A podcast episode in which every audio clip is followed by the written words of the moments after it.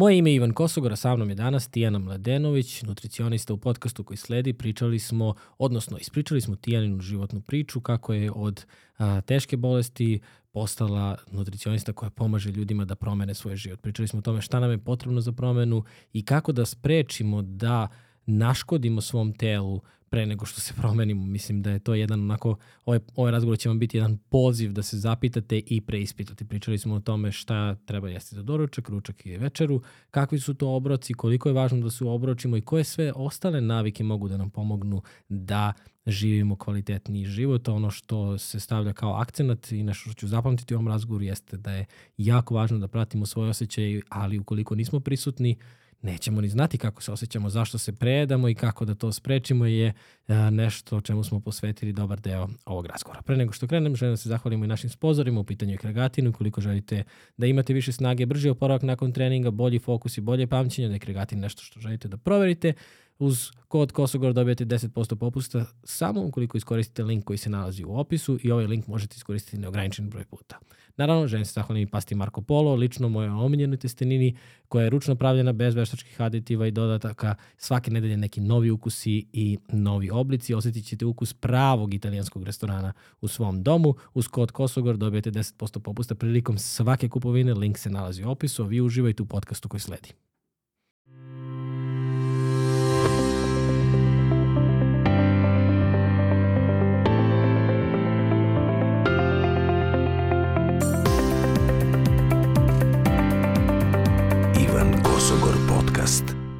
Ali sam nad, se razbolela na drugoj godini fakulteta i promenila sam ono čime želim da se bavim.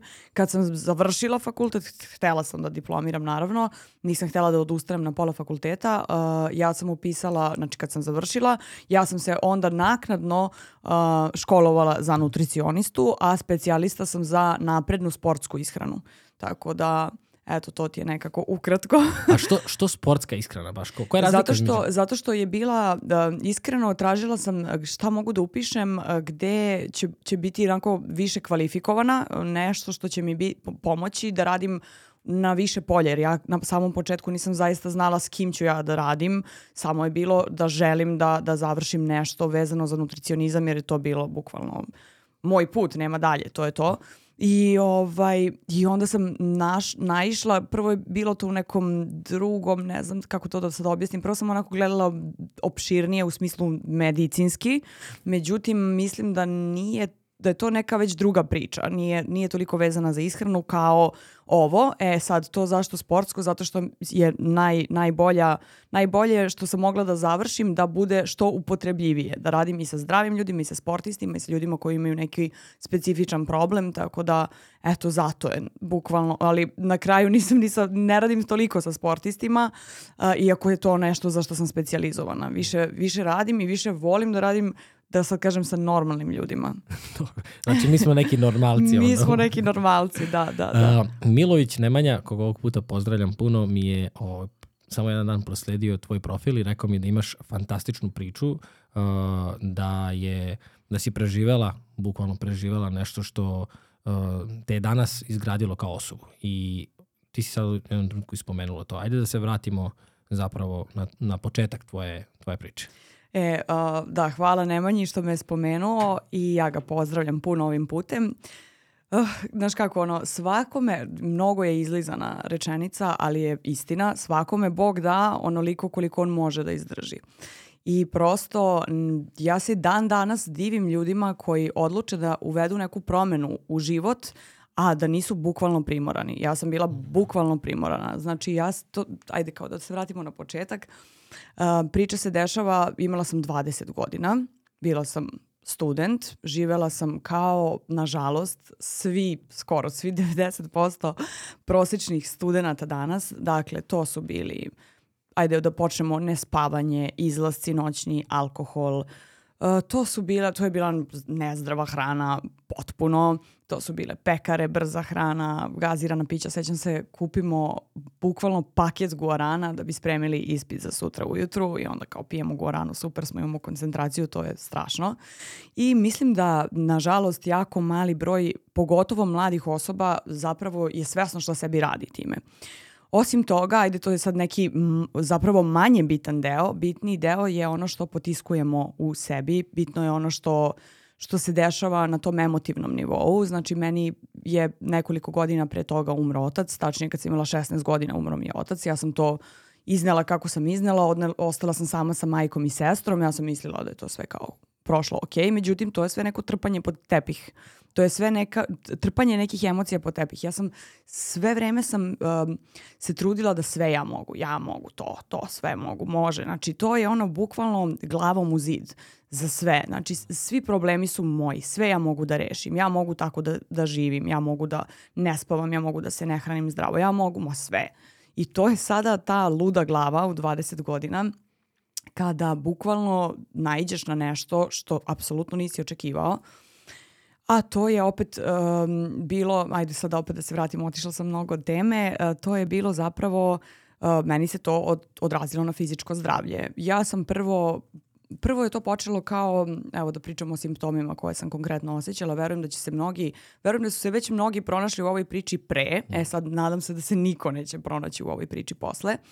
Uh, dakle, to je počelo sa, kao pro, gastrointestinalni problemi, dakle problemi sa varenjem, bolovi u stomaku, želucu, uh, to su, to su bili bukvalno problemi sa varenjem i ja sam to nešto kao sama uspela da, da, da kao ok, hranit ću se zdravije, ok, nešto, piću više vode i to su neke minimalne promene koje sam ja unela, koje naravno ništa nisu pomogle.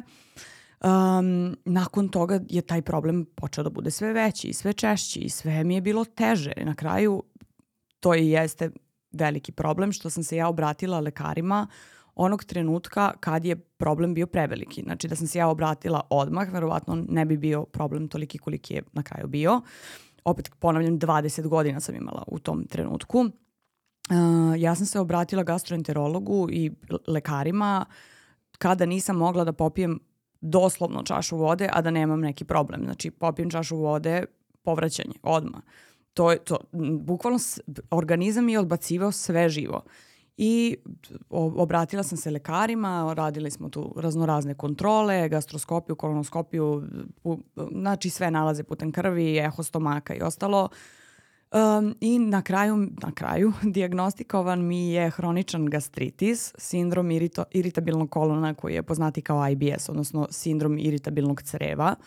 Uh, crevna kandida zajedno sa tim, um, oboljenje žučne kese i žučnih kanala, oštećenja na jetri, um, pesak u bubrezima, insulinska rezistencija i malokrvnost. To je to.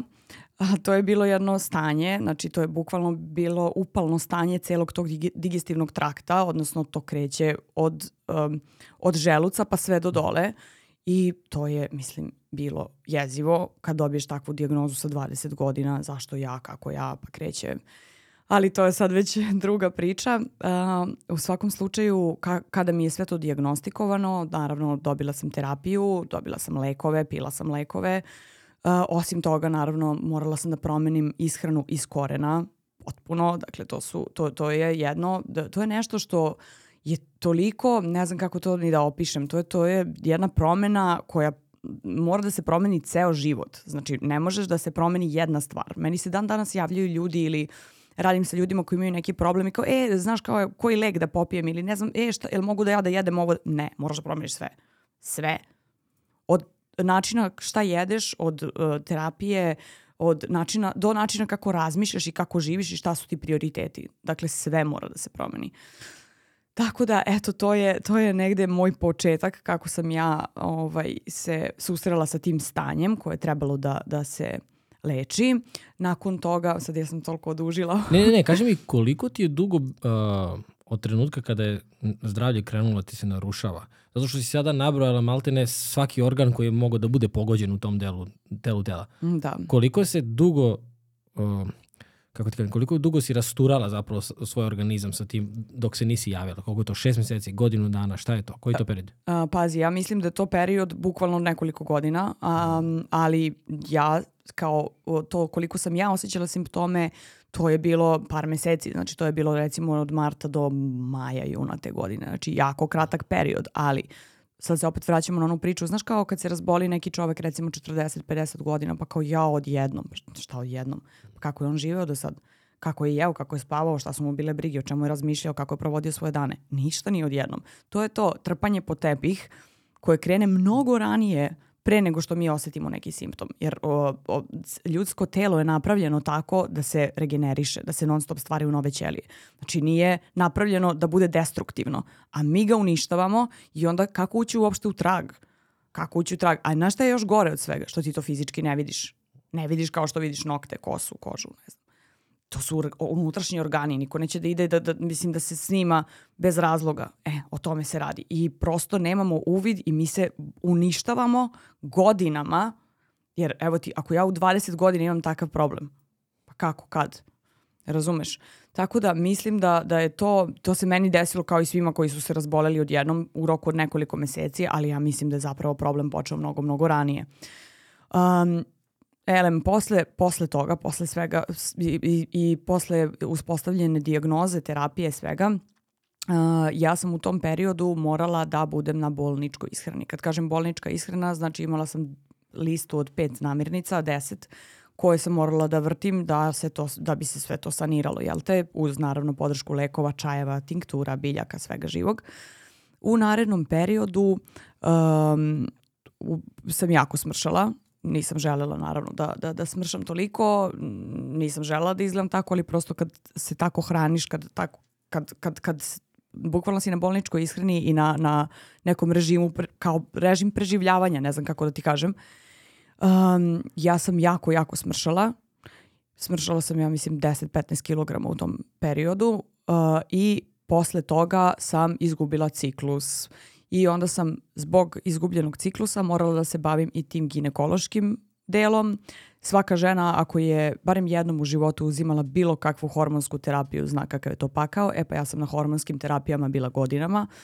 Znači, mislim, jedan, jedno rasulo, potpuno rasulo i prosto nešto što se desilo kao meni wake up call, što kažu, da se potpuno sve promeni i da, da me vrati, da me, da me resetuje i da me, da me negde da, da, me, da me probudi, bukvalno.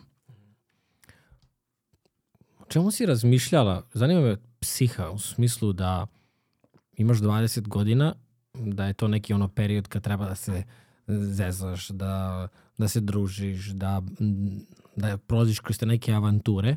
A, o čemu si ti razmišljala kao neko ko je na bolničkoj ishrani i ono, šta, šta, koji su to misli bile? Pa znaš kako, na početku ja sam bila jako buntovna, nisam htjela da prihvatim to, bila sam, mislim, ono, teenager, buntovnik, neću ja to, mogu ja to sve, ni, ma kakvi. Uh, I što sam ja više, nisam htjela da prihvatim situaciju, to, to mi je bilo gore. I to je ono što se sad vraćamo na, na to bukvalno naterana. Znači, prihvati, to je. To ti je ono, život ti da karte i imaš te karte i s njima moraš da igraš, nema, nema drugih. Nećeš dobiti druge.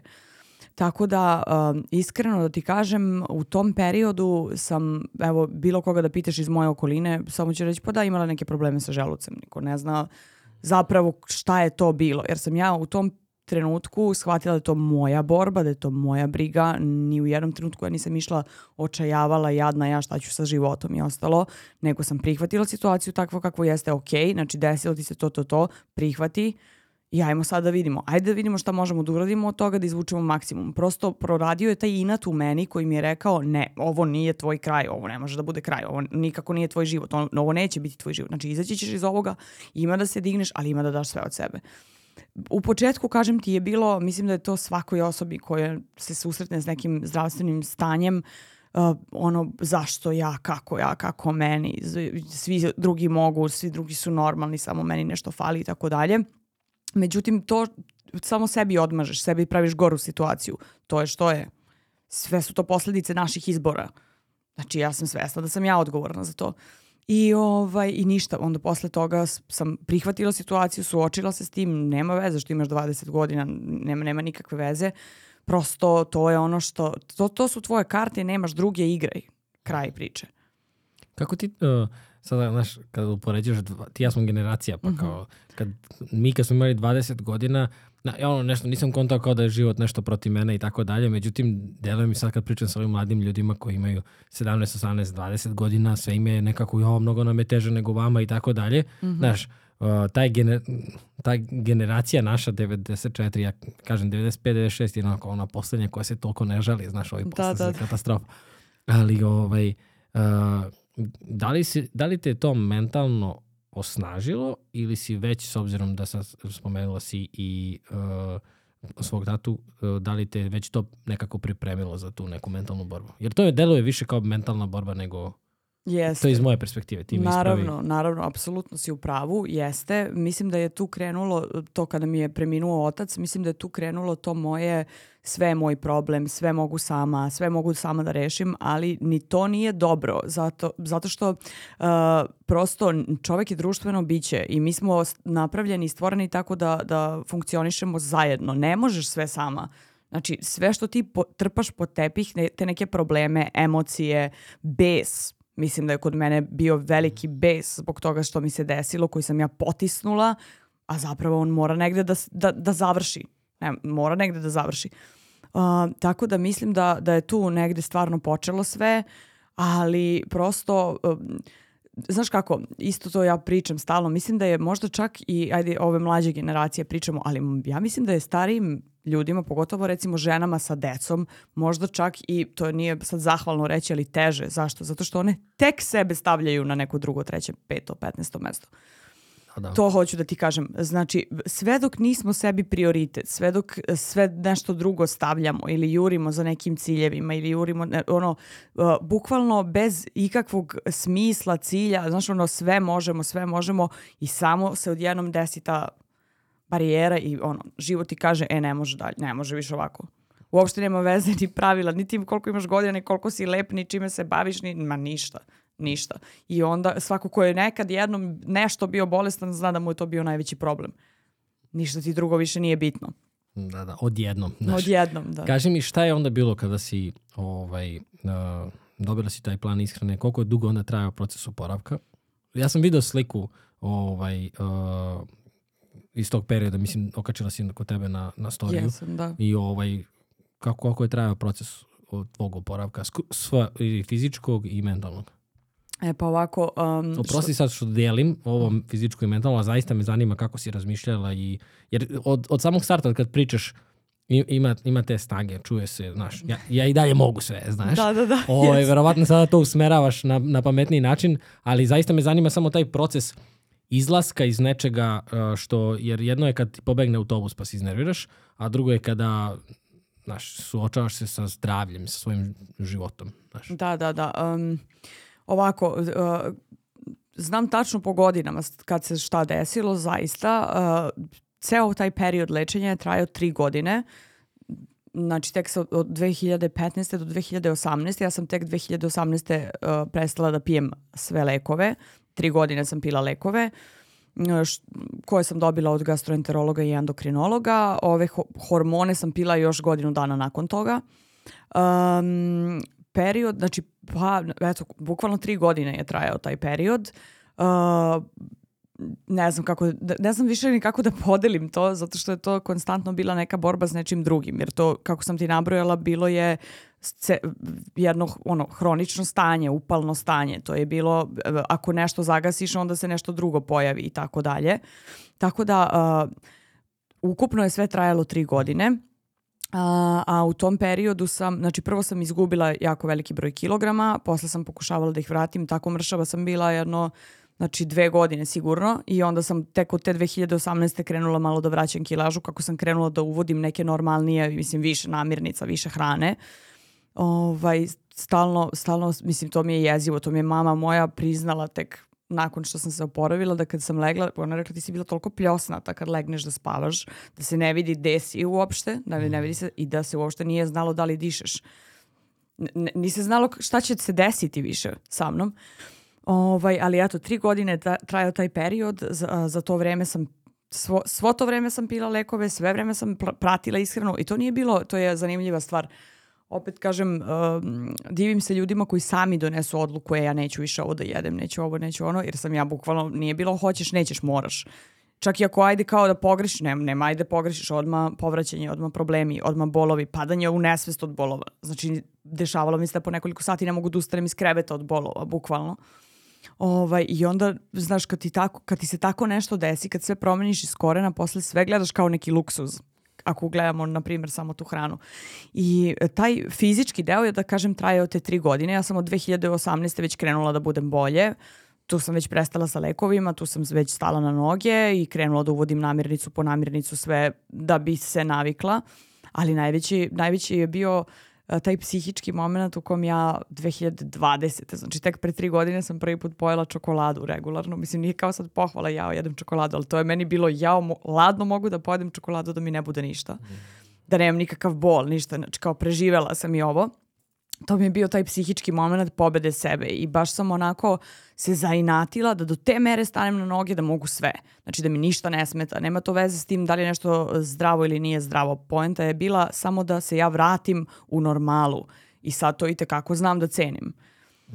Kaži mi, je li imaš neki sad strah kad treba nešto da jedeš? Jel, jel vučeš neke ožiljke? E pa ni, više ne, ali bilo ih je jako puno. Uh, poslednje što sam, na čemu sam radila, to je bilo vraćanje tolerancije na laktozu. To ne preporučujem nikome ko, ko nije stručan u ovome, ali prosto ja sam toliko proučavala, toliko, toliko sam ušla u sve to i ostala sam intolerantna na laktozu u tom periodu. Međutim, ja sam se zainatila da vratim toleranciju na laktozu, pa sam to nekako i malo po malo, mic po mic, prvo sam smanjivala lekove koje sam pila da bih mogla da, da, da jedem mlečne proizvode i na kraju sam došla do toga da sam ponovo povratila toleranciju na laktozu. Znači može i to, vidiš što nisam Može i to. Da, Moje da. si čitao knjigu Placebo ste vi? Od Joe Dispenza? Tako je. A, mislim da imamo to u, u Americi, da? Da, da, ali nis, nije još stigla na red. Jesi odatle? O, da, da, da, tu sam, tu sam mnogo toga ovaj, Šta? pročitala. Pričaj mi o tome. A, pa Zainteresuj baš... me da vidim da li će da preskoči ovaj red. da, da, da, pa baš, baš e, to, um, baš to kako psihom m, možeš sve. Dakle, bukvalno placebo ste vi, znaš šta je placebo efekat, naravno, um, kako psihom, psihu možeš da usmeriš, ali to je mnogo više, to je, tu, toliko mora da se uh, kopa po sebi, tu toliko mora da se razmišlja, da se radi na tome. Znači, znači to je toliko jedan kompleksan proces, ali obavezno moraš da pročitaš tu knjigu, mnogo je kratak uh, tvoj podcast da bi ja ispričala sve što sam iz te knjige naučila, ali je mnogo korisna i stvarno sve što tražimo u drugima, sve što pokušavamo uh, kako on ovo može, ja ovo ne mogu, sve je u nama, stvarno je sve u nama. Tako da treba poći od sebe zapravo, eto, to je. Jel, mislim, Joe, Joe Dispenza ima onako jedan zanimljiv pristup i kad kreneš da ga čitaš, onda te on onako uvlači kroz sve te neke uh, njegove, prvo sa naučne strane, pa onda primere koji su zaista neverovatni i onda te onako ubacite u neki, po, počeš da vidiš malo svet nekim drugim bojama. Međutim, kada prestaneš da ga čitaš, ako prođe neki određeni vremenski period, mi imamo Joe Dispenza momente u, u kući, ovaj, onda jednostavno kao kao da se polako vratiš u tu normalu. On je dobar podsjetnik. Zapravo kol, koliko ti stvaraš svet ovaj, svakodnevno. Znaš. Jeste, apsolutno, apsolutno. I zato tako e, kada neko se uhvati za neku situaciju koja ga je zadesila i sad ne znam, nebitno da li je to zdravstveno stanje, da li je to gojaznost, da li je to šta god da je, um, treba bukvalno da se vrati unazad gde je to počelo, kako je to počelo, kako je došlo do toga. Sve, mi smo stvarno, to, sve do čega je došlo na kraju sve to negde moralo da počne. Znači ni, ni se ti ta, nije se to odjednom desi, ništa ne može odjednom da se desi. Dakle, to je, to je onako jako velika stvar i mislim da, da malo ljudi obraća pažnju na takve mhm. stvari. Malo ljudi obraća pažnju na to koliko se nervira u toku dana, koliko se stresira, koliko ima negativne misli, koliko se truje nekim informacijama, informacijama koje mu uopšte ništa ne, ne doprinose, jel te? To je stvarno, um, ne znam, neverovatno, a i isto to potiskivanje problema i umanjivanje sobstvenih problema ma nije to ništa, ma kakvi, ma svi se, pa svi se s time, pa, pa bože, znaš, ono, svi imaju takve probleme, svi ovako, svi su nesrećni, svi su ne, pa nije, znači ti si ti, to, to će tebi da, da dođe na naplatu, tada, tada ili ne znam kada, nekada će doći, ne može. Tako da mislim da je to, to je jedan jako, jako bitna stvar na koju se ne obraća dovoljno pažnje. Znaš šta, ima, ima jedna izreka da je naš najveći problem je što nemamo pravi problem. Znaš, e. I onda kada se ubacuješ u tu neku uh, životnu kolotečinu i haotičnost prosto kada te proguta, ti onda jednostavno počneš da, da manje ceniš uh, I mo možda je to malo i problem i razumevanje. Znaš, jer ti sada kada znaš šta tebi čini stres i nervoza i kada se dogodi, jer neprirodno je da se ne, kao neko ko se uopšte ne nervira, to su neki drugi problemi.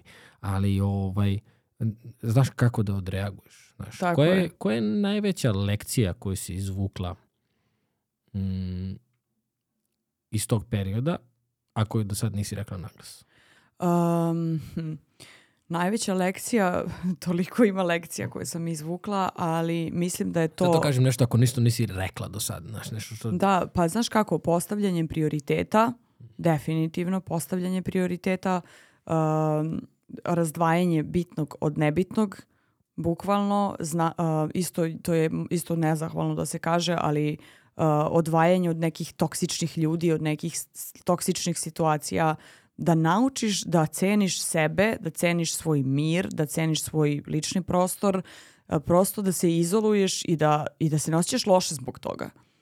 Ljudi obično um, kada naprave, znaš, ono neke granice, kad postave neke zdrave granice, onda se osjećaju loši, jao, pa ne znam da li, ili ne znam, vuče ih neko loše, loše društvo, ili su u toknič, to, toksičnoj vezi, ili u toksičnom porodičnom odnosu, koliko god je, koliko god je to porodica, ovaj, opet, znaš, moraju da se nauče da se postave zdrave granice, da se, da se izoluješ i da sačuvaš sebe, prosto. Ali bez osjećaja krivice, jer ti čim osjećaš krivicu, opet se jedeš iznutra. To je, to je jako, mislim, zeznuto je, ali u tim situacijama mislim da je neophodno i da se svaki čovek u takvoj situaciji vrati onim primarnim stvarima i on, onime on, što je zaista bitno. Mm. To je ona, ima ona floskula, uh, ti si, ne znam, prosek pet ljudi sa kojima se družiš i tako dalje, znaš, i to zapravo ne vidiš sve dok se ne izdvojiš Tako od, je. od tih nekih ljudi koji te vuku u nekim, nekim, nekom drugom pracu ili neke priče koje su naporne i onda Tako. kada se, to smo skoro Nemanje imali, pitanje je bilo kao da li može lepo da se živi u Srbiji, znaš, i sada ti kada pričaš toliko ima faktora koje moraš da ubaciš u priču, ali kao uh, definitivno je ako se okružiš sa, sa kvalitetnim ljudima da je život lepši. Znaš, Naravno, može kao, apsolutno. može. Znaš. Apsolutno. A, nekoliko navrata si sada spomenula da se stvari ne događaju odjednom i da a, nije iznenađenje kada se nekome, nažalost, nešto dogodi, neki zdravstveni problem. Koliko te se često ljudi javljaju a, i žele da im odjednom rešiš problem, deluje mi kao da je tvoj pristup, ti me ispravi, deluje mi kao da je tvoj pristup onako dugoročno rešava. Kaži mi kako se boriš sa tim da ih da ih edukuješ i da im objasniš da ako nešto nastajalo pet godina, ne može nestati za pet minuta. Uh, to si baš dobro rekao. Super priče, priče.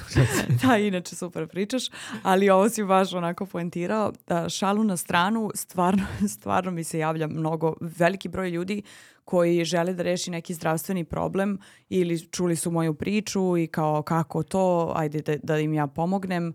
Um, međutim, znaš šta je, ja to iskreno kažem, ovo i kažem iskreno i u tvom podcastu i pišem i nije to nikakva tajna, uh, nije moguće da se uh, nešto što se stvaralo godinama reši da vam ja uzmem magičan, ja bih volela, ali ja ne mogu da uzmem magičan štapić i da vam rešim taj problem. Morate da promenite sve. Ne možete da promenite samo ishranu, ne možete samo da odete kod lekara, ne možete samo da pijete čaje, čajeve, ne možete samo više spavati, morate sve. Sve morate da promenite, pogotovo ako je problem već negde veći.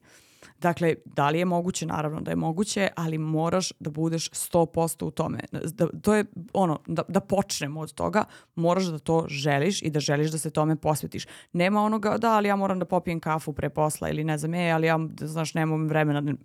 Kraj. Moraš da se posvetiš tome maksimalno, da daš sve od sebe, bukvalno da posvetiš svoj život tome da bi se izlečio, da bi stao na noge i da bi sutra bio dobar tom tvom detetu. Dakle, šta je, da se vratimo na pitanje, uh, ja mislim da je moguće i te kako je moguće, čak je moguće i za manji vremenski period nego što se problem zapravo stvarao, što je sjajna stvar, ali mora da se priđe iz svih, sa svih strana da se pristupi problemu. Znači, ako je potrebno gastroenterolog, endokrinolog, ginekolog u zavisnosti od problema, promena ishrane, promena mindseta, koliko god je to moguće, uh, koliko god je moguće, ovo znam da zvuči kao bajka, ali da se taj stres uh, maksimalno smanji, da se popravi kvalitet sna i naravno ishrana, to, to sam već rekla, ali ishrana kao nešto bez čega ne može, dakle ne možeš, džabe ti piješ, džabe sve ovo promeniš ako nisi promenio ishranu. Tako je, prosto tako je. Ajde da pričamo o tim nekim, znam da je onako malo kao prstu oko kada te pitam neke generalna pitanja vezano za sve ove uh, stvari, ali možda možemo da pokrenemo i od te neke druge strane. Šta je sve to loše u ishrani? Šta je sve to loše tokom spavanja? Šta je sve to loše uh, ne, neke navike kojih čak nismo ni svesni ili podrazumevamo i kao pa to, takav sam ja. Aha, e pa ovako. Prvo i najbitnije je ne, da ne, što nema nikakve veze sa ishranom, to je taj uh, unutrašnji um, taj unutrašnji glas ono sam sa sobom. Znaš ono kad sam sebe truješ negativnim stvarima, uh, kad sam sebe uh, kažnjavaš, pa nisi dovoljno dobar, pa nije ovo, pa nije ono, pa stalno neka negativa, pa stalno neka nervoza, pa e, to je katastrofa. To, to, to, prvo to da budemo svi malo blaži prema sebi, da malo spustimo te neke kriterijume. Uh, onda što se spavanja tiče, ljudi uopšte nisu svesni koliko je taj san bitan.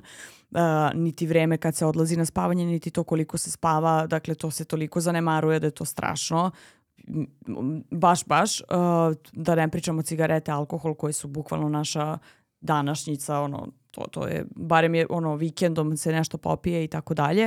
Uh, onda hrana, znaš šta, raf, rafinisane namirnice proizvodi koji su procesuirani do bestvesti i ono kad kažu nije mi ukusna zdrava hrana, pa naravno da nije kad ti non stop unosiš te aditive, pojačivače ukusa, tvoje čulo ukusa je zatupelo ti nemaš više uopšte osjećaj. Ti kad se vratiš na, na ovu primarnu ishranu, kad se vratiš na, na celovite namirnice i ostalo, tebi će se to brzo vratiti u normalu, ali sve dok ti jedeš, tru, truješ svoje nepce, truješ svoje čulo ukusa tim nekim prerađenim namirnicama koje su prerađene do besvesti, prostim šećerima, aditivima i to je sve napravljeno tako da te navuče da jedeš još. Ništa to nije napravljeno, to naravno je marketing. Znači ništa to nije napravljeno da trune na nekoj tamo polici. Napravljeno je tako da te tera da jedeš još. I kažem opet, e, još je gore nažalost, kad se to ne vidi, na primjer, na fizičkom telu, pa kao, e, sad ugojio sam se, pa hoću, nego samo se truješ nečim, a, a, a u stvari stradaš iznutra. To je, to je onako, da kažem, eto, to je ono što bi rekla kao najgore i isto, to je malo više ovako, da kažem, u Americi nego kod nas. Ti gazirani sokovi obavezno, to su litre i litre po ceo dan, vodu niko da vidi. I eto, to, to, to mi je nekako onako, da kažem, odmah bazične neke stvari koje su bukvalno smrt, a masovno ih, e, masovno se, su prisutni, pogotovo kod mladih ljudi. A šta misliš da je onda a, Šta može da bude onda pokretač ako uzmemo, recimo da je tvoj primer, pokretač je bila potreba, znači život ili ne?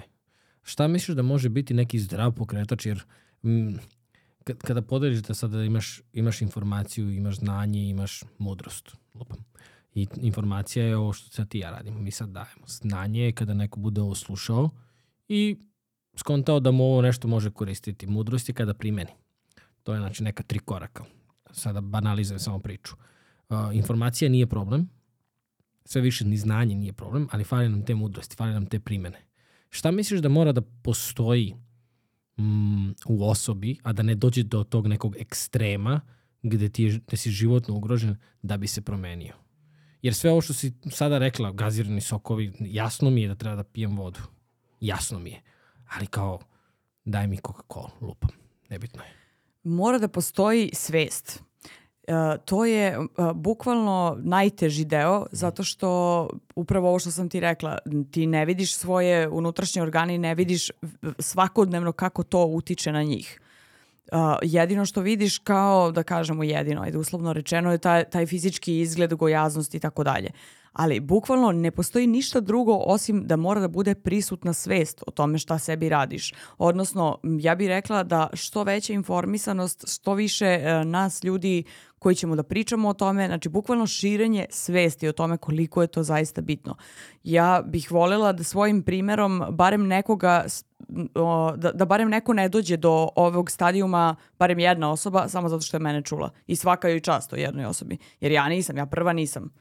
Ja sam na sebi doživjela da bi se promenila. Ali obzirom da nama to nije vidljivo, mislim da je jako bitno, ta, tačnije neophodno da non stop imamo svest o tome. Mm -hmm. O tome se radi. Ajde da pričamo o klopi. To je nešto čime se ti baviš. Šta znači LTM?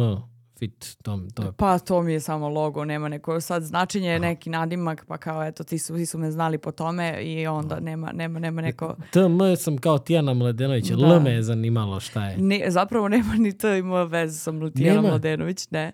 To je neki nadimak iz još osnovne škole, tako da samo sam ga nadovezala na celu priču da bi se znalo da je o meni reč. Tako da, mm, eto, okay, to je okay, to. Okay. To me, to me onako zanimalo. Ajde da pričamo o, o tim nekim osnovnim stvarima, koliko god da su banalne ne spomeni ih zato što ono što je toliko se dugo i baviš ovim, tako da neke stvari sam siguran da će biti prvi put onako zvučne uh, kako meni, tako i ljudima koji, koji slušaju.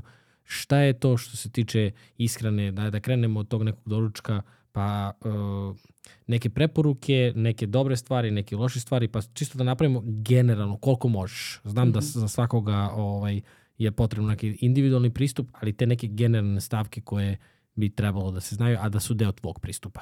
Ok, uh, znaš kako, evo baš kad si se uhvatio za doručak, obi, obično ljudi tako krenu od doručka i sad kao doručkujemo sve super, ručamo isto super i onda večer daj sve. To se, to, to se toliko često ovaj, sreće zato što zapravo od početka nije sve postavljeno kako treba, jel? Um, generalno, znaš kako, svi otprilike negde znaju šta je zdravo, šta nije zdravo. Uh, mnogo se danas uh, izmišlja tople vode i različitih uh, principa ishrane, različitih namirnica, najrazličitijih na, na planeti Zemlji i mnogo se toga plasira kao magičan proizvod i ne znam, ovo ako jedeš to će ti biti super, ovo nikako i tako dalje. A zapravo je stvarno potrebno da se vratimo na one primarne stvari, a to je uh, celovita ishrana složeni ugljeni hidrati, proteini, masti, znači sve oni izvori koji su nam svima dostupni. Znači ako ćemo da pričamo o tom doručku, recimo neki hleb od e, integralnih žitarica celog zrna, možemo neka jaja uz to, e, povrće, ne znam, salata, može neko ma manje masno meso u smislu kao one pileća prsa ili tako nešto ili recimo ona ovsena kaša svima sada ovaj omiljena um, sa recimo nekim voćem, s nekim izvorom proteina, da li će biti to biljni, životinski, nije bitno. Um, eto, tako, tako nekako gledate da, da gledamo da, da sve unesemo u tom obroku, jer ako imamo i protein i ugljeni hidrat i mast, to nam obezbeđuje duži osjećaj sitosti. Nema ništa, nema nikakvih problema da ti pojedeš samo bananu, ali ti ćeš ogladneti za pola sata, razumeš? Tako da, pojenta je da se, dakle, uh, iskombinuje u svakom obroku složeni ugljeni hidrat, protein, opet naglas, naglašavam to manje mastan, ne zato što mastima nešto fali, nego zato što zasićene masti su nam svima već i previše prisutne u ishrani. Uh, protein i neki izvor masti u smislu maslinovo ulja, onih uh, dobrih masti koji, kojima, koji su svima u deficitu ili recimo ove omega-3 masne kiseline koje, o kojima tek tek treba da se priča. Tako da, eto, to je, to je, neka, to je neka preporuka ne samo za doručak, nego za sva tri obroka. Mm -hmm. Kad misliš da je za večeru ovaj, autofagija je nešto što je onako postalo popularno u poslednje vreme, uh, ne znam sada koliko je dalje, ali nam recimo pre dve godine svi smo pričali o tome. Koje, da. koje je tvoje mišljenje? I... Autofagija je naučno dokazano korisna i zaista je odlična stvar, ali tu mora da se pazi o više nekih stvari. Naprimer, uh, treba, da se pa, uh, treba da se pazi kod ljudi kojima, pre svega moramo da uzmemo u obzir da nešto treba da ti prija, da bi to bilo održivo. Znači, uh, ne postoji uh, način ishrane koji je primenjiv za sve i kojima svi, koji svima odgovara i kao svi će sad tako da se hrane. To kad bi postojalo ne bi mi imali nikakav problem, ja ne bi bila ovde da pričam o tome. Dakle, da, najbitnije je da se ide pronađe način ishrane koji je održiv za osobu. Iz tog razloga ja pre nego što počnem da radim sa klijentom, popunjava se taj nutricionistički upitnik gde mi napravimo uvid u, u, u to kako će uopšte da se priđe toj osobi, jer ne može, ne postoji nešto što je primenjivo za sve. Autofagija da, za svakoga ne. Mm. Prosto i jednostavno. Nekome to nije održivo, neko, neko se ne osjeća dobro kada je na autofagiji. Isto kod nekih žena s koji imaju neke hormonske disbalanse nije baš preporučljivo. Um, tako da ima, ima sve zašto i kako jeste, ali jeste to sve u redu, ali nije sve primenjivo na svakome. Dakle, poenta je da se pronađe način ishrane, zdrav način ishrane, koji, onaj način ishrane kako možete da zamislite da ćete se hraniti do kraja života. To je pravi način ishrane za vas. E, ali vidiš, to je, to je ideja. Dobra ideja. Međutim, kod nas je dijeta ono nešto što idem tri nedelje na dijetu, idem mesec dana na dijetu, znaš. Kako, Jeste. kako napraviti uh, da dijeta postane ovo, što se rekla, do kraja života? Da, Ako uzmemo obzir da ćeš živjeti duže od tri nedelje. Znaš, da, da. da. Um, to je odlično pitanje. Uh, pre svega ja ne volim uopšte taj izraz dijeta. Mislim, ok, to je u, prevo, u prevodu nešto potpuno drugo. Znači ti kad da. kažeš čoveku dijetu, oh, jo, ko će to? To je mučenje, vamo namo. Um, dakle, uh, prvo mora da se počne od malih stvari. Dakle, ne može ti si jeo sada, do sada jeo si junk food, nisi spavao nikako, pio si alkohol svako drugo veče, mislim sad ne ti bilo ko. Um, I sad kao od sutra ću da jedem samo, ne znam, salate, neću, sve ću da izbacim i tako dalje. To je automatski šok, to je nešto što prve, prvenstveno tvoj mozak ne može da prihvati, nije nešto što ti održivo, ne deluje ti uopšte ok i naravno da ćeš ti kada tako rigorozno priđeš celom procesu da ćeš da digneš ruke posle, ne znam, dve nedelje, a ne tri. Tako da to je logičan neki, lo, logično kako će da ide. Znači, ne treba nam još jedna stvar zbog koje ćemo da se osjećamo loše. Treba nam nešto zbog čega ćemo da se osjećamo super. Dakle, ajde da izbacimo te, te, tu, te, tu procesuiranu hranu. Ajde da počnemo od toga. Izbacimo grickalice. Iz, znaš, ono, izbacimo, ali ne može samo da se izbaci. Moramo da imamo šta ćemo da ubacimo umesto toga. Znači, nije pojenta napraviti rupu u svom danu ili rasporedu ili čemu god. Poenta je da se napravi, ne, znaš, ono, da se preraspodeli to, da, da to opet ima nekog smisla i da nam bude održivo. Dakle, ubacimo neke bolje navike koje su nam održive, izbacimo neke manje, neke, neke manje stvari koje znamo da nam smetaju i da nam ne donose ništa dobro, a opet da, da ne bude to nešto fatalno, jer nijedna, nijedna krajnost nije dobra. O tome se radi. Ja, ja sam ispratio malo tvoje objave na Instagramu i ovaj, sviđa mi se taj tvoj celokupan pristup. Uh, zanimljivo je to isto, to si, sad ću te podsjetiti, pa bih samo malo, volao malo više o tome. Uh, napisala si u jednom trenutku nekih, nabrala si nekih desetak navika uh, za uh, kao kvalitetni život, međutim to, to te zapravo vuče i ovo i usmeravate u smislu da ti sad kad hoćeš da promeniš ishranu, Znaš, a i dalje ono, ideš u dva ujutru da zaspiš, pa se probudiš se u devet umoran i nervozan, normalno ćeš posegnuti za nekim šećerima i ostalim stvarima. Koje su to neke navike koje si ti na svojoj koži o, o, osetila kao podršku Jer kad pričamo o ishrani i dijetama, to je upravo to. Znači ti se fokusiraš samo na taj jedan front, a sve ostalo pati i normalno će te povući ono 15 drugih stvari. Znači ja kad sam krenuo da trenera, ja sam prestao pijem, jer mi se nekako uklopilo kao povezani cilj. Znaš. Koje su to neke navike koje su tebi lično dosta pomogle? Ovaj, ono što mi se, jedna mi se jako dopala, da, da ideš 20 minuta ranije na, na spavanje. Pazi koliko je to, kao zvuči kao 20, 20 minuta, ali znači. Tako je, apsolutno. Jeste, uh, odlazak u, na spavanje 20 minuta ranije. Ti kreneš 20 minuta ranije, ali to ti toliko znači, uh, toliko se promeni, toliko toga, toliko toga, mislim, o, o tome je zapravo reč, ovo što sam rekla, male stvari. Meni je jedna od najvećih, uh, to mi je mnogo pomoglo i u periodu lečenja, a to je voda, da se mnogo, mnogo više fokusirala da pijem vodu, to ti je ono, da ti stalno čaša vode bude pored tebe kao podsjetnik, da stalno, da je stalno imaš tu pored, kad je imaš veće verovatnoće da ćeš je piti, ovaj, eto to je jedno, jedna, jedna od tih isto navika. Uh, odlazak eh, ranije na spavanje. Znaš šta je isto toliko ono banalno, a mnogo znači. Sveža salata u svaki obrok. Šta god da ti obrok. Sveža salata uz to. Dobijamo dijetna vlakna, dobijamo vitamine, minerale, uh, dobijamo volumen, ako sad pričamo o nekoj gojaznijoj recimo osobi koja će da smrša neki kilogram, dobijamo volumen, a jako malo kalorija, lakše se to vari, Ima, stvarno, to su te neke male stvari koje ja mislim da svako može da ubaci da bi, da bi a, a, da će mnogo da doprinese. To je, to je onda isto, to mi je fenomenalno. Počela sam da praktikujem um, izgovaranje ili pisanje, ali ja ih češće nekako izgovaram, a da bilo bi dobro i da počnem da ih pišem, uh, stvari na kojima smo zahvalni. To je dobro da se ili počne ili recimo završi dan sa tim. Možda bolje da se počne da bi se ta pozitivna energija, ovaj, s tom pozitivnom energijom da bi krenuo dan. Ja verujem i ja sam počela kao ajde svaki dan ću da pričam tri stvari na koje sam zahvalna. To se svaki dan završi na deset stvari. Jer tebe to, evo to što si rekao, ti si krenuo da treniraš i odmah si nekako ti krenulo to, pa neću da pijem jer vidiš da te koči.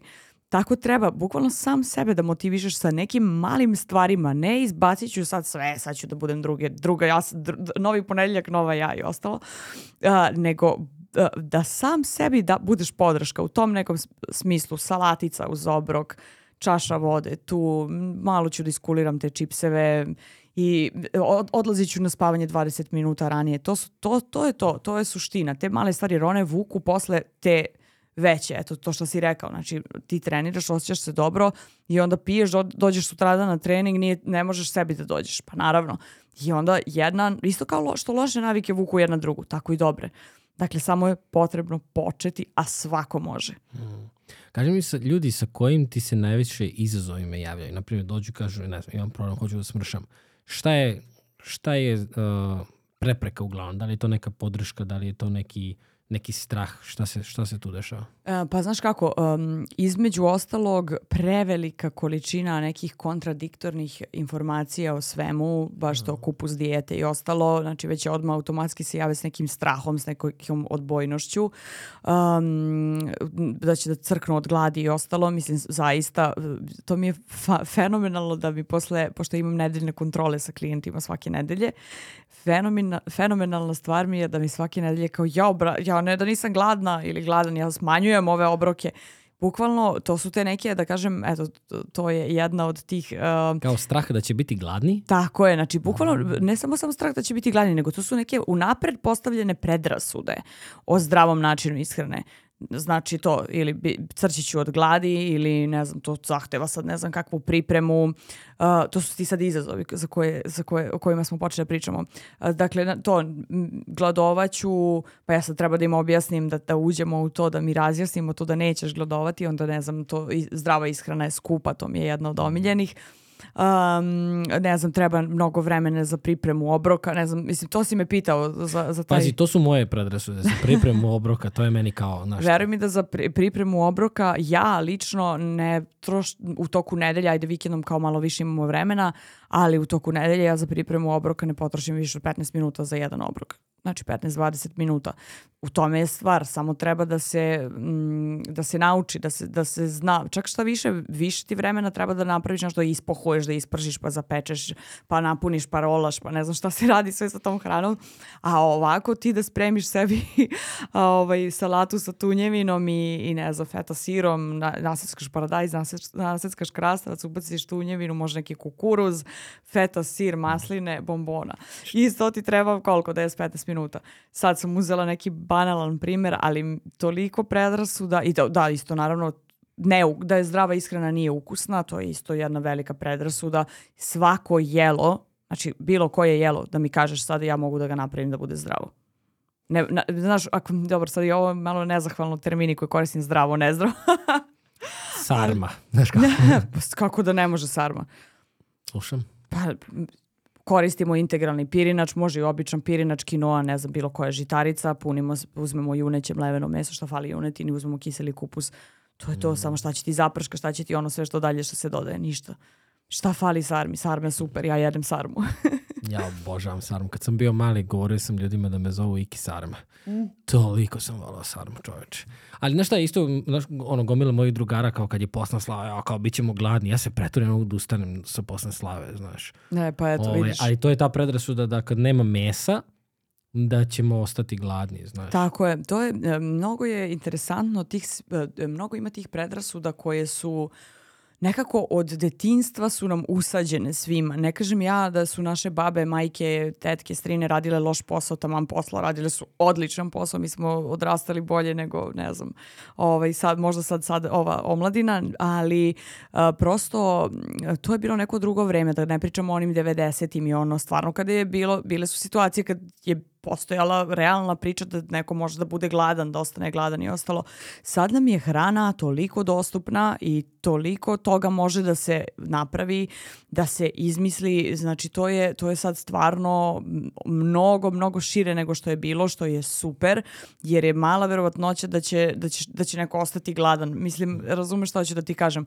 E, ne moraš ni da jedeš ma ni jednu namirnicu specifično koja, e, od ovoga sam sit od svega može da se napravi nešto što će biti održivo, samo da se to lepo ukombinuje, da se prilagodi ta količina i apsolutno nema nikakve brige. Ali to što ti pričaš, to su opet te neke um, predrasude i opet neke kao uverenja sa kojima smo mi odrastali, to je malo sad teže da se da se ovaj um, napravi naš ono da se ponovo da se ponovo ne, neka neš, neka druga uverenja ovaj usvoje zato što je to nešto što ne nismo pokupili samo u našoj kući nego i u okolini i svuda oko nas prosto to je jedan deo tradicije al tako? Tako da ovaj, treba, da, da, da, treba čovek da, da bude spreman da usvoji nešto novo, da nauči nešto novo, da isproba nešto novo, jer mislim da svako od nas može da se ono da će se da će pronaći nešto za što nije uopšte smatrao da će da mu se pre svega svidi, a tek posle toga da će da bude ukusno i da će da mu donese mnogo drugih benefita. Jer evo na primjer uzmi znači ne uzimamo uopšte sad fizički izgled.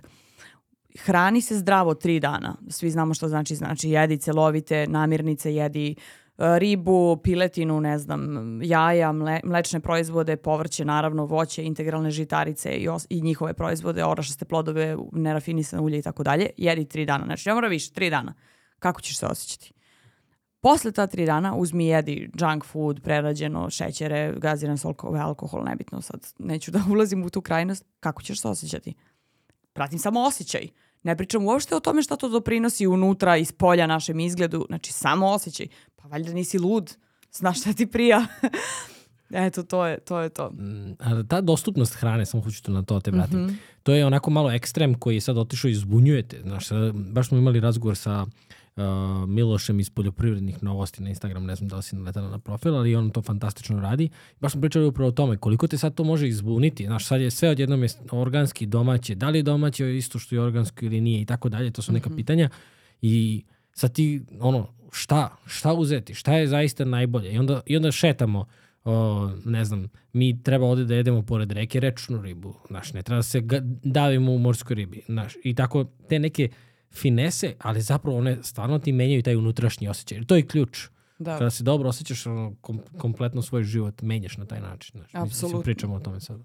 Apsolutno, da, pa to, baš to što si rekao, ti si pored reke, zašto bi jeo morsku, mislim, ne, nemam ništa protiv morske ribe, ja je jedem u Beogradu. Ali ne svaki ali, dan, znaš. Tako je, ali ne svaki dan i prosto to, to, jeste, to jeste tačno, ali opet, i znaš šta je još velika stvar u vezi toga? Ta stvar, e, ta hrana koja ti je tu dostupnija, M ti je jeftinija, M je bolja, M je manje, manje, su vero, manje verovatnoća da je tretirana. Da, svežija. Svežija je, Dakle, to je toliko logično da, da nema dalje. Mislim, kad se vratimo, znaš, ono, to što ti kažeš, dostupna nam je hrana, to jeste, sve to stoji, ali upravo tako su se i naši, znaš, ono, naše babe i tetke hranile baš tako, ono što ti je tu, to jedeš, mislim, ono gde, sa čime rasteš i tako dalje to je totalno logično. M je jeftinije tako, M je zdravije, M ima više makro mikronutrijenata, naravno zato što je mikronutrijenata, zato što nije prerađivano, ne znam, nije, ne znam šta se više radi sa tim voćem i povrćem i, i ostalim, ali prosto logično je znaš, ono, logično je, tako da mislim da je to, to velika stvar, da, da, da treba da se vratimo bukvalno na to što je, to, to je toliko logično zapravo, a mi bežimo od toga i ono tražimo um, tražimo rešenje u nekim super namirnicama, sad ovaj i taj i taj se hrani, ne znam, jede ovoj, to će sad mene da spase, razumeš? Nema prečice, nema prečice, znači moraš da, da kompletno ishranu dovedeš u red, neće ti ništa pomoći što ćeš pojesti, ne znam, čija puding jedan, ništa ti to neće doprineti, niti zdravlju, niti ćeš se ti bolje osjećati zbog toga ako celokupna ishrana ne valja. Hmm. Kako naći pravu meru? Pazi, ovo razmišljam da li da te pitam ili ne, ako mi daš informaciju, onda će mi biti teško da se suzdržim, ali, znaš, ono, kako biti umeren u ishrani? Japanci kažu da treba da jedeš ono, neke dve trećine, e, čak što si stariji i manje, da se ne dovodiš do onoga, nego se pomerim sa stola, znaš. Kako, koja je to prava merka, koji je to osjećaj koji treba da prepoznamo ono jasan znak, crvena zastavica kao da, da preterujemo. E, znaš kako, prvo opet da se vratimo zašto preterujemo. Preterujemo iz razloga što recimo pravimo velike razmake između obroka, doručkuješ u 10 ujutru, a onda e, ručaš u pet popodne, užinaš ili ne užinaš ništa ili grickaš nešto, ono prazne kalorije, katastrofa. Um, dakle, prvo mora da se čo... mora prvo je potrebno da se uobročimo, dakle da imamo te neke glavne obroke koji su u nekom razumnom razmaku i da imamo te neke jedno do dve užine u toku dana ili kako sad zavisi od osobe do osobe ali moramo da se uobročimo da ne bi došlo do toga da nama da, da pregladnimo. Jer mi kad pregladnimo šta se dešava? Em jedemo duplo brže, em pojedemo duplo više, em se nagutamo tog vazduha i onda se tako naduje taj stomak pa onda daj Coca-Cola da ugasim ili ne znam šta se već, koje sve tradicionalne metode postoje. Sve u svemu Tradicionalne metode Coca-Cola. Da. da, da, da, dobro. Ovaj, Ali bukvalno je tako, mislim. Jeste, tako ide. Ovaj, dakle, znači, moramo da počnemo od toga, uh, dakle, da se uobročimo. Nakon uh, toga, da, da, to, to je sad, znači, i da imamo da se postavi doručak, ručak, užina, večera, tačka. Uh, da se jede da se da se jede nutritivno bogata hrana, znači da se jede namirnice koje će ti pružiti dug osjećaj sitosti. Ne može tebi da pruži dug osjećaj sitosti i rafinisani šećer ili tako nešto, što će samo da dovede do onog skoka pa pada, pa je pala mi energija, pa nije mi dobro i ostalo. Dakle, kvalitetne namirnice, I ono o čemu se toliko priča, a mislim da to niko živ ne usvaja, žvakanje. Mora da se žvaće, mora da se sklone distrakcije, znači mora da se ne, ne jede se ispred televizora, ne jede se ispred telefona, nema to ono automatizovan sistem bukvalno. I onda naravno ćeš da se pre, ju, preo sam se, zato što nisi prisutan ti gledaš TV, ne znam, pratiš neku emisiju na telefonu, scrolluješ, ne, nešto radiš drugo, nisi prisutan. Niti žvaćeš kako treba, nagutaš se vazduha, ne učestvuješ, nisi si svestan da si jeo i po, nisi ni svestan koliko si pojeo. Znači, samo to da uvrstimo, uopšte neću ja da pričam sa ti, moraš da si skontroliš, pojedi ovoliko, evo ti tanjir, toliko smiješ. Ne. Samo ovo da, u, da uvedemo.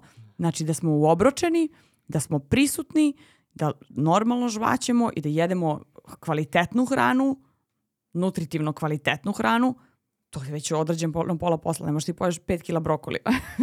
Razumeš šta hoću da ti kažem? Ne kažem da samo treba da se jede brokoli, ali prosto ako, ga, ako je prisutan u ovo, ako je sve to prisutno, to, su, to, su, to je hrana sa volumenom koja će ti obezbediti osjećaj sitosti, a pritom opet se vraćamo i na to žvakanje koje šalje informaciju u mozgu da smo siti. Nama treba 15-20 minuta da dođe do mozga da smo mi siti. Ako mi pojedemo za 10 minuta šta smo uradili? Ništa. A od koje godine to važi, s obzirom da vidim da dosta dece jede uz telefon? Kad treba deci prestati davati telefon? Posle sedme godine ili... E, pa... Šalim se, šalim se. Ne, nego pravim samo absurd, zato što sam i, mislim, ja sam rastao sa, sa televizorom ispred kad se klopa. Da. Ovaj, sećam se da sam jednom gledao a, Ninja College. Asterixa, ne, Asterixa i Obelixa i jeo sam spanać i posle toga nisam jeo 15 godina spa, spanać jer sam se toliko prejao od spanaća da mi je bilo muka svaki put kada ga vidim. Ja, I da. sada kada vratim film, ne tačno znam i gde sam sedeo i kako sam gledao i sve.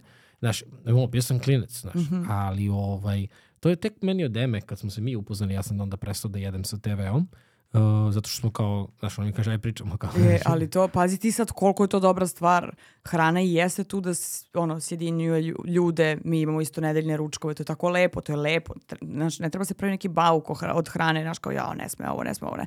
To je lepo, eto, vidiš, ti imaš neki novi ritual sa Emom i vidiš ti koliko tebi to znači. A šta taj TV, šta taj Asterix i Obelix, mislim, razumeš da. šta hoću da ti kažem. Ne kažem da je to loše, ima svoje te, ti zabavni programi i ostalo, ali prosto hajde da izvučemo najbolje.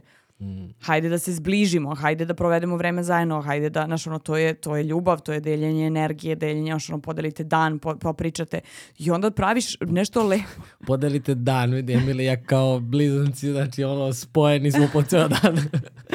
Dobro, podelite utiske u toku da, tog da, da. dana. Da. Ne, šalim se. E, ali znaš šta je, mi smo isto veliki gurmani oboje mm -hmm. i mhm. kao uživanje u hrani, znaš, i onda kao, ne znam, Emma pravi neku njenu specijalnu pastu sa pečurkicama, ovo ono. I ja moram da sklonimo sa stola, zato što mi to dosta polako gustiraš, pa ono, zna, ja kažem, ja sam ono kao pun sam, ali kao još jedan tanjir, zna, ono, još jedna, kao malo samo da dodam. A to je tako, to je realno, da, znaš. Da, da, da. I treba i tu isto naći, zato sam te pitao kao mera, ali ovo, sviđa mi se, nisam uopšte razmišljao o ovome što si, što si sada krenula, mislim, fantastičan je podsjetnik, znaš. Mm, da, da, da, da, da. Ovaj, a, mi smo se okupljali za ručkove oko vatre. Znaš, Tako i- je, tako je, tako je, tako je. Naravno, mislim, toliko toga ima lepog, toliko je tradicije, toliko je istorije, toliko je toga vezano za hranu, da je to ovaj, stvarno greota da se od toga pravi bauk, da se pravi neka, neki strahovi, da se prave e, nepotrebne neke, neke, ne znam, informacije, negativne emocije vezane za hranu. Ja, ovo je zdravo, ovo nije zdravo, ovo sme, ovo ne sme.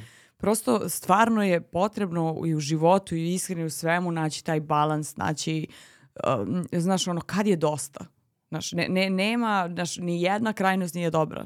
To je tako, to je prosto tako.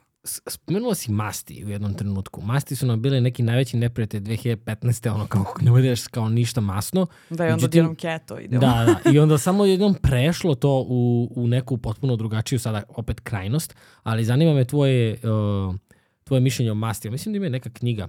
Mm, ne znam da li si čula. Sad ću da vidim. Ali kaži mi tvoje. Da, pa tvoje- pazi ovako, um, masti, znaš ono, ono što ti da ukus hrani, to su masti. Znači masti daju, uh, Si jo, čula za ovu knjigu? jo, jesam, jesam, E. ali nisam je čitala, jesam, okej, čula to sam teo da. Um, pazi, masti su, znači to je ono što daje ukus hrani, to je ono što onako mu bude final touch i stvarno su, mislim, opet imamo ra- različite vrste masti, jel? Ali uh, generalno su, ove zasićene masti su, da ne pričamo o trans mastima, su uh, i previše prisutne u ishrani um, Gde? Uh, pa, trans masti su prerađene masti, znači to su ono, pomfriti, prerađe, prerađeni margarini i ostala čuda. Zasićene masti su masti životinskog porekla, a ove polinezasićene, mononezasićene masti to su maslinovo ulje, masline i ostale ovaj, da kažem, zdravije. E sad, zasićene su nam, sad to je toliko opširno da se ja ovde pokrio u jednom podcastu, ali uh, generalno zasićene masti imaju mesto u našoj ishrani, um, nezasićene masti su, skoro svi smo u, defici- u deficitu sa njima, zato se uvek baca akcenat, zato se uvek baca akcenat na te uh, uh, nezasićene masti, zato što su nam svima u deficitu, jer se prejedam ovim drugim zasićenim i transmastima. Dakle, to treba da se napravi raspodela da, da, svako, da sve ima svoju ulogu s tim što nam transmasti uopšte nisu potrebne. To su, ma, to su, to je, to su masnoće koje je čovek proizveo u industriji i one su tu da bi se produžio rok trajanja, da bi se poboljšao ukus i tako dalje. Dakle, one trebalo bi da se izbace u potpunosti. Ne, nemaju ni jedan benefit na ljudsko zdravlje. To su margarin, šta si još rekla? Izvini. Pa sve transmasti, znači margarin, ono, sve ono što je spremljeno u fritezi, pomfriti i tako da čuda.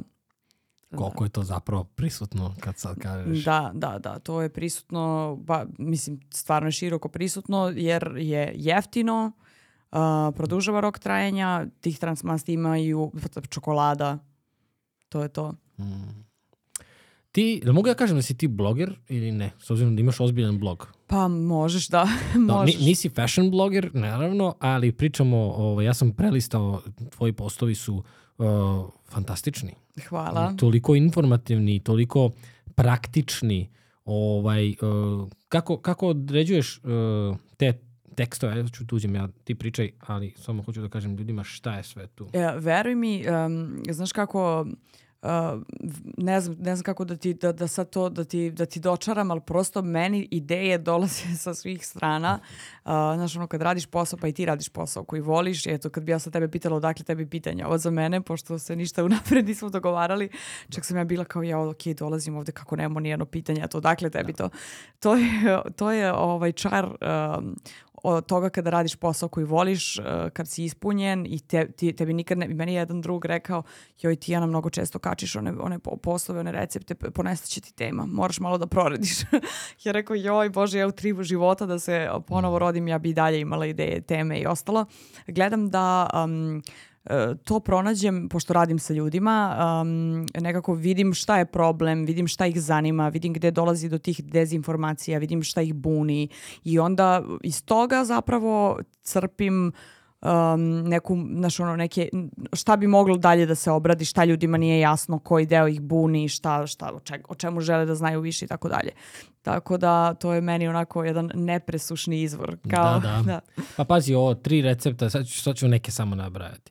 Tri recepta za zdrav doručak, uh, znači daješ recepta, onda hormoni sreće i kako, pod, uh, kako ih podstaći, deset jutarnjih navika za produktivnost, uh, posebno sa prebiotici i prebiotici, predlog za praznične trpeze, jelovnik za badnje veče. Jako onako naš praktično uh, problemi sa ciklusom, energetska gustina, namirnica, autofagija, eto, to smo spomenuli mm -hmm. u mhm. nekom trenutku. Uh, znaš, stvari koje zaista i pritom profesionalno izgleda, da te pohvalim i za hvala, to, to mi se jako sviđa, jako, jako bitan segment. Ko ti radi ove slike? Su slike tvoje neke ili... Pa sad ne znam koje, ali... Fantastično. Da, radim ja, sve slikam ja sama, da. Wow fit večera. Uh, mislim, uh, hoću da kažem samo da, da postoji jedan ovakav portal, ti si sad portal postao nekako u moje, u moje, moje glavi, ali ovaj, prosto zaista to delo jako jako zanimljivo i jako profesionalno. E pa drago Znaš, mi je. Svaka ti čast, stvarno. Šta je tvoja omiljena klopa? Šta ti, u čemu ti, čemu se raduješ? Joj Bože, ako to izgovorim ovako javno, znaš, ono, svi će da me kamenuju. Salate. Jel da? Obrok salate. Obrok salate najviše volim. Šalim se, naravno. Ovaj, um, za blog hvala ti puno što si pohvalio. Stvarno, ono, trudim se, radim sad je više došla ova era video formata, tako da gledam da sad na Instagram profilu kačim te reelseve i to najviše ljudi vole generalno recepte i svi se začude kad ja kažem da moji klijenti ne dobijaju u njihovim jelovnicima ima najviše 10% toga što je na profilu. Dakle, ja tih recepata samo u glavi koliko imam, to je nešto neverovatno.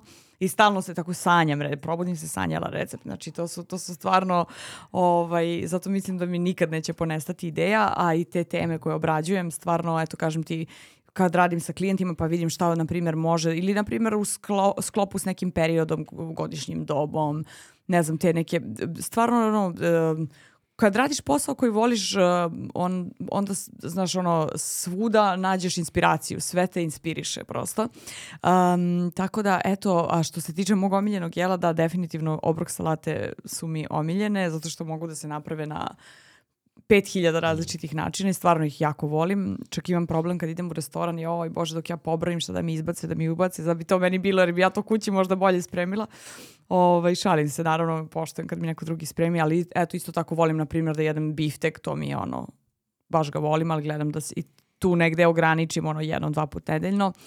Um, tako da ti i Ema biste bile najbolje drugarice. E. Salatice, kad biste mogli svaki dan i biftek, to bi bilo Odlično. idealno. ovaj, Vodim Emu na biftek salatu.